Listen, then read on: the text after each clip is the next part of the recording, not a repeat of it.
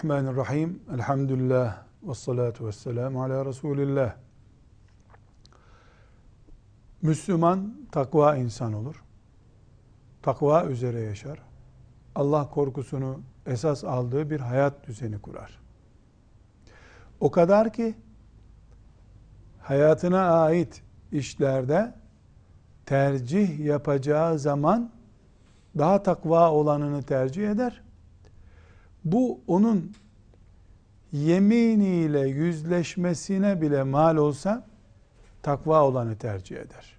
Ne demek bu? Şimdi 73. hadisi şerifi okurken göreceğiz.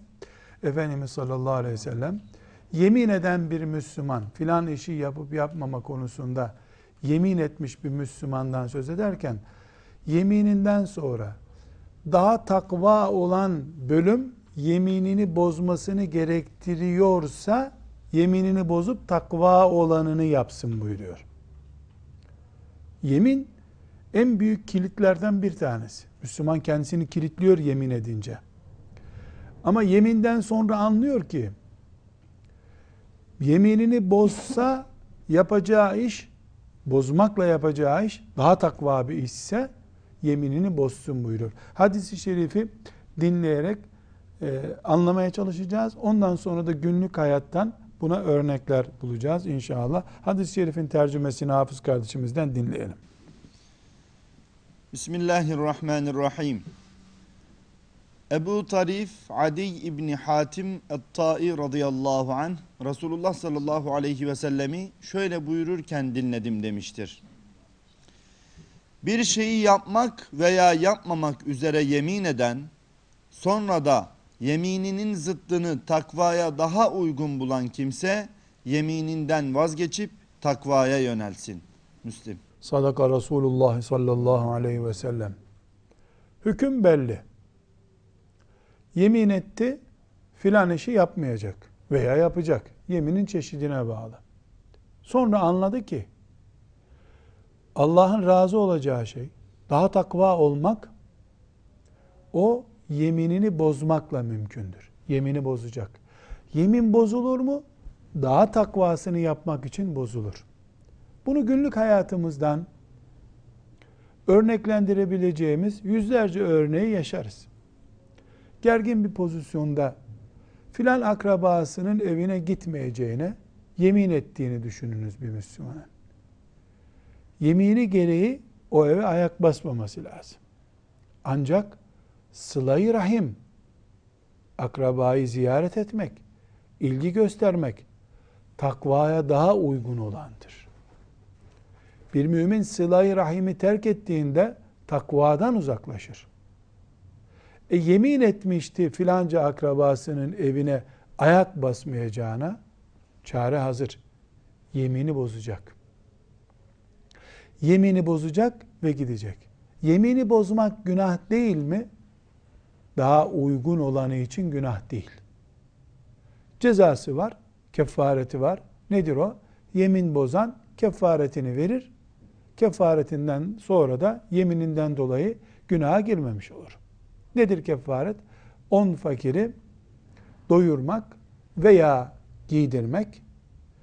Eğer bunları yapmak ekonomik olarak gücünün yetmeyeceği şeyse üç gün oruç tutmak. Böylece yeminini bozmuş olsa da vebalden kurtulmuş olur. Yemin kefareti deniyor buna. Her halükarda yemini bozmak pahasına bile olsa daha takvayı arama ölçümüz var bizim. Müslümansak Allah'ın rızasına göre yaşayacağız. Bu rızada en üstüne, en faziletliye, Allah'ın rızasına en yakına doğru koşma arzumuz olacak. Bu hadisi şerifi de biz dinleyerek takva hayat yaşama konusunda ne kadar önemli e, bir uyarı ile karşı karşıya olduğumuzu da anlamış oluruz. Şimdi bu hadisi şerifi dinledikten sonra takva hayatı sadece tarikat erbabına, tasavvuf ehline ait bir olgu olarak göstermenin ne kadar yanlış olduğunu da anlamış oluruz. Filanca tarikata girince daha takva yaşıyor olmaz. İslam'a girince takva yaşamak gerekir. Tarikat erbabına ait bir özellik olarak görmek yanlıştır, batıldır. İslam'ın kendisi takvadır zaten. Tarikata girince değil, İslam'a girince takva yaşamaya bir prensip olarak bizim kendimizi alıştırmış olmamız lazım. Takva tarikatın ölçüsü değil, İslam'ın ölçüsüdür. Kur'an'ın ölçüsüdür. Resulullah sallallahu aleyhi ve sellemin ölçüsüdür. Ne kadar takvaya doğru koşulursa o kadar İslam kaliteli yaşanmış olur. O kadar Allahu Teala'nın rızasına koşulmuş olur. Takvayı sadece tarikat erbabına, hacca gidip gelenlere veya yaşlılara, işte hacı teyzelere ait bir e, olgu, bir anlayış olarak takdir etmek kesinlikle hatadır. Batıl bir anlayıştır.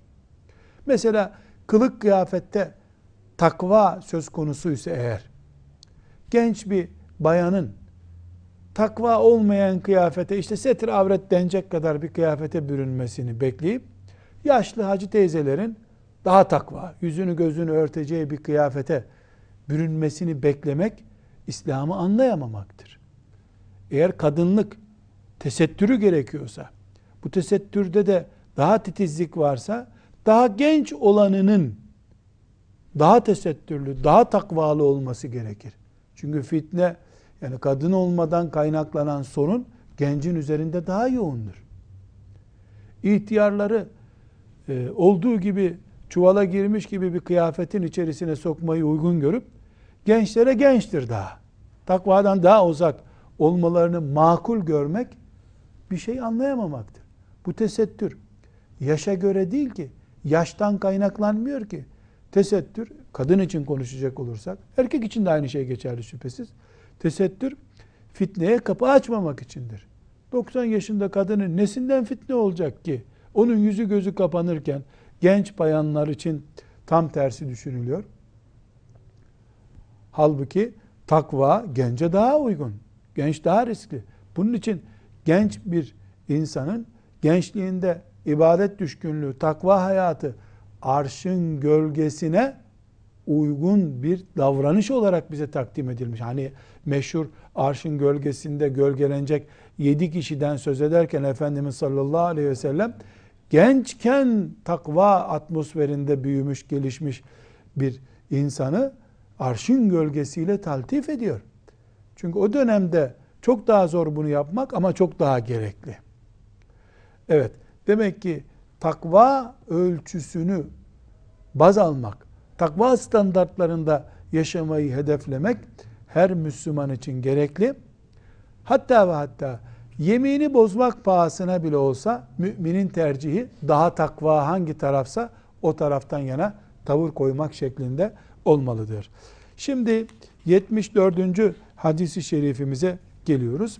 Efendimiz sallallahu aleyhi ve sellem bir genel konuşması arası esnasında genel e, Müslüman karakteri tarif ettiği esnada takvadan da söz etmiştir. Yani sadece e, konuşmaları anında değil Efendimiz sallallahu aleyhi ve sellem takvayı sık sık gündeme getirdi. Kur'an-ı Kerim'de zaten sık sık müttaki müminlerden söz ediyor. Ama bakıyoruz ki Efendimiz sallallahu aleyhi ve sellem namazdan, haçtan, siyasi tavrını Müslümanın nasıl belirleyeceğinden filan söz ederken bile konuşmasına takva ile başlıyor. Bu hadis-i şerifin tercümesini de hafız kardeşimizden dinleyelim. Riyazu Salihin'in 74. hadisi şerifini okuyoruz. Buyurun. Bismillahirrahmanirrahim. Ebu Ümame Suday İbni Aclan el-Bahili radıyallahu anh'den rivayet edildiğine göre Resulullah sallallahu aleyhi ve sellemi veda hutbesinde şöyle buyururken dinledim demiştir. Allah'tan korkunuz. Beş vakit namazınızı kılınız. Ramazan orucunuzu tutunuz. Mallarınızın zekatını veriniz. Yöneticilerinize itaat ediniz. Bu takdirde doğruca Rabbinizin cennetine girersiniz. Tirmizi. Sadaka Resulullah sallallahu aleyhi ve sellem. Resulullah sallallahu aleyhi ve sellem Efendimiz cennete kestirme giden yoldan söz ediyor. Neler sayıyor? takva. Allah'tan korkunuz buyuruyor. Sonra namazın beş vaktinden söz ediyor. Ramazandan söz ediyor, oruçtan, zekattan söz ediyor ve yöneticilere itaat etmekten söz ediyor. Tabi yöneticilere derken çöldeki bir ralliyi yönetenden söz etmiyor. Umara'ekum liderlerinize itaat ediniz buyuruyor. Kendi lider yani müminleri yönetenlere diyor. Bu yöneten kelimesini önce A ve B fıkrası diye ayırmamız lazım. A fıkrası şudur. Yolculuğa çıkarken de bir grup arkadaş bir kişiyi lider seçerler kendilerine. Bu ümmet cemaat halinde yaşayan ümmettir. Cemaatinin de muhakkak başı vardır. Bu ümmete başı boşluk asla uygun değildir. Küçük bir yolculuk ki yolculukta 90 kilometrenin ötesine verilen bir isimdir. 90 kilometreden fazla uzağa giden bir grubun lideri olmalı. Şurada mı mola verelim, burada mı diye tartışmaz mümin. Lideri vardır. O yolculuğun bir lideri vardır. Cemaatinin minik bir cemaatte olsa başı vardır. Şurada mola verilecek demiştir. Mola orada verilmiştir. Şu yemeği yenecek denmiştir. Öyledir. Bu ümmet itaat eden bir ümmettir. A ve B fıkrası bunun için ayırıyoruz. Yani siyasi lideri de vardır ümmetin. Siyasi bir tablosu da vardır. Ama e, bu itaatte ölçümüz bizim anlaşılmadan önce itaat ve lider kelimesini vurgulamamız gerekiyor. Hazreti Ömer radıyallahu anh'ın ifadesinde çok hoş bir özetleme var. Cemaatsiz İslam yoktur diyor. Lidersiz de cemaat yoktur. İtaatsiz de liderin değeri yoktur buyuruyor. Dolayısıyla A ve B fıkrasıyla yani günlük ufak bir e, eylemde bile bir lider söz konusudur. E, artı B fıkrasında da ümmeti yöneten siyasi liderler de vardır. O lidere ve bu lidere ümmet itaat eder. Peki bu itaatimiz sınırsız mıdır? Asla, asla sınırsız değildir. Bir defa Allah'a isyan olan şeyde kimseye itaat yok. Bu bir. İki, Efendimiz sallallahu aleyhi ve sellem farklı zamanlardaki farklı sorularda ne kadar itaat, kime itaat, yani bu itaatin sınırı ile ilgili de net ölçüler koymuştur. Sizinle beraber gelip sizin namazınızı kıldırdıkları sürece diye bir sınır koymuştur. Ama mümin buna rağmen yuvarlanarak da yaşayan bir insan değildir. Farklı ortamlarda kendisinden olmayan yöneticilerin bulunduğu ortamlarda da yaşayabilir mümin. Kendisini ve dinini helake sürükleyecek yanlış işler de yapmaz. Sabreder. Sabrı ile beraber iyi çalışmalar, sonuç getirecek çalışmalar da yapar. Yani mevcut kötülüğe razı olmaz, iyiliğin oluşması için çalışır. Yoksa mümin körü körüne itaat eden birisi de asla değildir. Her halükarda Efendimiz sallallahu aleyhi ve sellem dost doğru cennete, kestirmeden cennete giden yolun kroküsünü çizmiştir. Bu krokide ne var? Takva. Sonra namaz. Sonra oruç. Sonra zekat. Sonra sistemli insan olma vardır. İtaat eden, mekanizmayı aksatmayan Müslüman olmak vardır. Biraz önce söylediğimiz sözlerden birine tekrar dönmem gerekiyor. Namaz, oruç, zekat nasıl Efendimizin gündemine alfabetik bir sırayla girmiş gibi giriyorsa takva da o sıralamada bir numaralı konu olarak konuşuluyor. Namazdan söz eder gibi takvadan söz ediyor. Zekatı konuşmadan önce takvadan konuşuyor. Dolayısıyla bir Müslüman olarak biz takvalı bir hayatı, müttaki mümin olmayı hacı amcalara, tarikat erbabına mal edemeyiz. Eğer namaz hacılara ait bir ibadetse takva da hacılara ait bir iş demektir. Takva düzeyi gençler için gerekli olmayan, ihtiyarlar için, hacılar için, hocalar için gerekli olan bir düzey değildir. İslam kendisi takvadır. Takva üzere yaşanır. Bu filanca gruba, filanca zümreye mal edilebilecek bir düzeye asla indirilemez. Çünkü Efendimiz sallallahu aleyhi ve sellemin hadisi şerifini görüyoruz. Zekattan söz ediyor, namazdan söz ediyor, beş vakit namazdan, teheccüd namazından söz etmiyor. Beş vakit namazdan söz ediyor. Dolayısıyla her Müslüman için farz olan şeylerden söz ettiğine göre takvayı da onların başına koyduğunda takvayı Müslümanların bir grubuna mal edip diğer grubunu da doğal hayat yaşayabilirler şeklinde tasnif yaparsak bu tasnifimiz batıl olur. Müttaki olmak her Müslümanın hedefidir.